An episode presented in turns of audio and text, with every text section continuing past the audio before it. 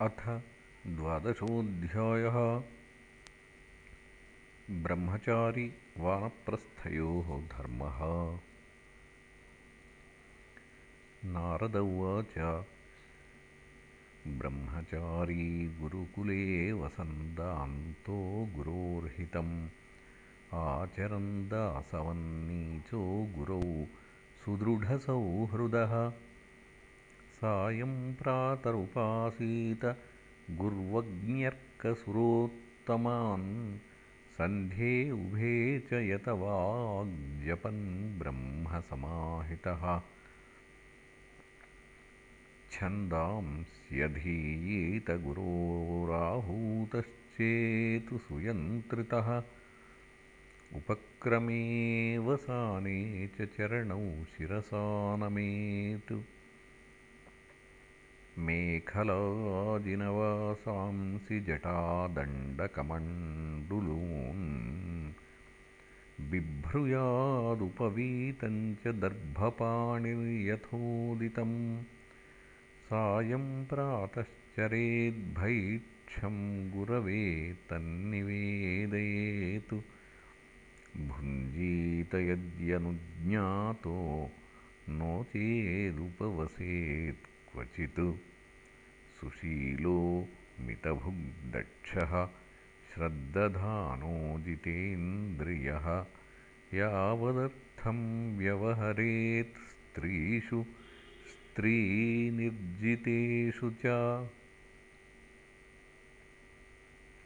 वर्णयेत्प्रमदागाथामगृहस्थो बृहद्व्रतः इन्द्रियाणि प्रमाथीनि हरन्त्यपि यतेर्मनः केशप्रसाधनोन्मर्दस्नपनाभ्यञ्जनादिकम् गुरुस्त्रीभिर्युवतिभिः कारयेन्नात्मनो युवा।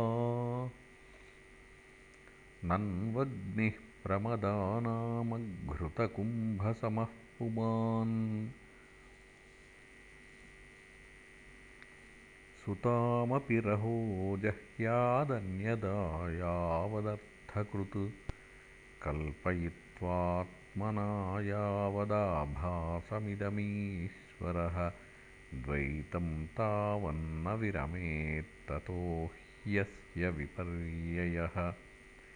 एतत्सर्वं गृहस्थस्य समाम्नातं यतेरपि गुरुवृत्तिर्विकल्पेन गृहस्थस्यर्तु गामिनः अञ्जनाभ्यञ्जनोन्मर्दस्त्र्यवलेखामिशं मधु स्रग्गन्धलेपालङ्कारांस्त्यजेयुर्ये धृतव्रताः उषित्वैवं गुरुकुले द्विजोऽधीत्यावबुध्य च त्रयीं साङ्गोपनिषदं यावदर्थं यथा बलम् दत्त्वा वरमनुज्ञातो गुरोः कामं यदीश्वरः।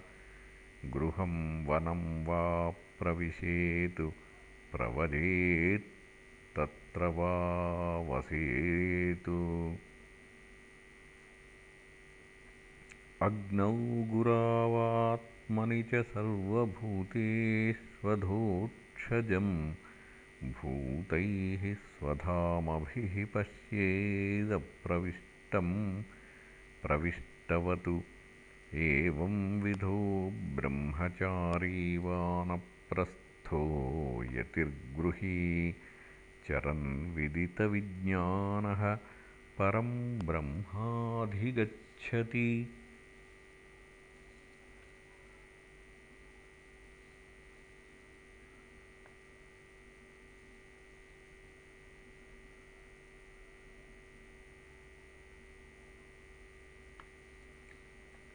वानप्रस्थस्य वक्ष्यामि नियमान्मुनिसम्मतान् यानातिष्ठन्मुनिर्गच्छेदृषिलोकमिहाञ्जसा न कृष्टपच्छ्रवादो सत्यमश्नीयादकृष्टं चाप्यकालतः। अग्निपक्वमथामं वा अर्कपक्वमुताहरेतु वन्यैश्चरुपुरोडाशान् निर्वपेत्कालचोदितान् लब्धे नवे नवेन्नाद्ये पुराणं तु परित्यजेत्। अग्न्यर्थमेव शरणमुटजं वाद्रिकन्दरं। श्रयेत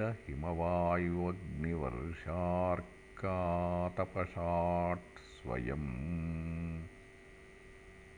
केशरोमनखश्मश्रुमलानि जटिलो दधतु कमण्डल्वदिने दण्डवल्कलाग्निपरिच्छदान्। चरेद्वने द्वादशाब्दानष्टौ वा चतुरो मुनिः द्वावेकं वा यथा बुद्धिर्न विपद्येत कृच्छ्रतः यदा कल्पः स्वक्रियायां व्याधिभिर्जरयाथवा आन्वीक्षिक्यां वा विद्यायां कुर्यादनशनादिकम् आत्मन्यग्नीन् समारोप्य सन्न्यस्याहं ममात्मतां कारणेषु न्यसेत् सम्यक् सङ्घातं तु यथार्हतः।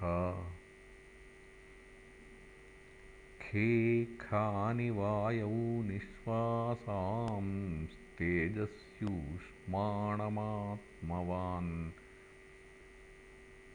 अप्स्वसृक् श्लेष्मपूयानिच्छितौ शेषं यथोद्भवम्। वाचमग्नौ सवक्तव्यामिन्द्रे शिल्पं करावपि पदानि गत्या वयसि रत्योपस्थं प्रजापतौ मृत्युपायुं विसर्गं च यथास्थानं विनिर्दिशेतु। दिक्षुश्रोत्रं सनादेन स्पर्शमध्यात्मनि त्वचं। रूपाणि चक्षुषा राजन् ज्योतिष्यभिनिवेशयेतु। अप्सु प्रचेतसा जिह्वाङ्घ्रेयैर्घ्राणं क्षितौ न्यसेतु। मनो मनोरथैश्चन्द्रे बुद्धिं बोध्यैः कवौ परे। कर्माण्यध्यात्मना रुद्रे यदहं ममता क्रिया सत्त्वेन चित्तं क्षेत्रज्ञे गुणैर्वैकारिकं परे अप्सुक्षितिमपोज्योतिष्यदो वायौ नभस्यमुम् कूटस्थे तच्च महति तदव्यक्तेऽक्षरे च ततु। इत्यक्षरतयात्मानं चिन्मात्रमवशेषितं ज्ञात्वाद्वयोऽथ विरमेद्दग्धयोनिरिवानलः। इति श्रीमद्भागवते महापुराणे पारमहंस्यां संहितायां सप्तमस्कन्धे द्वादशोऽध्यायः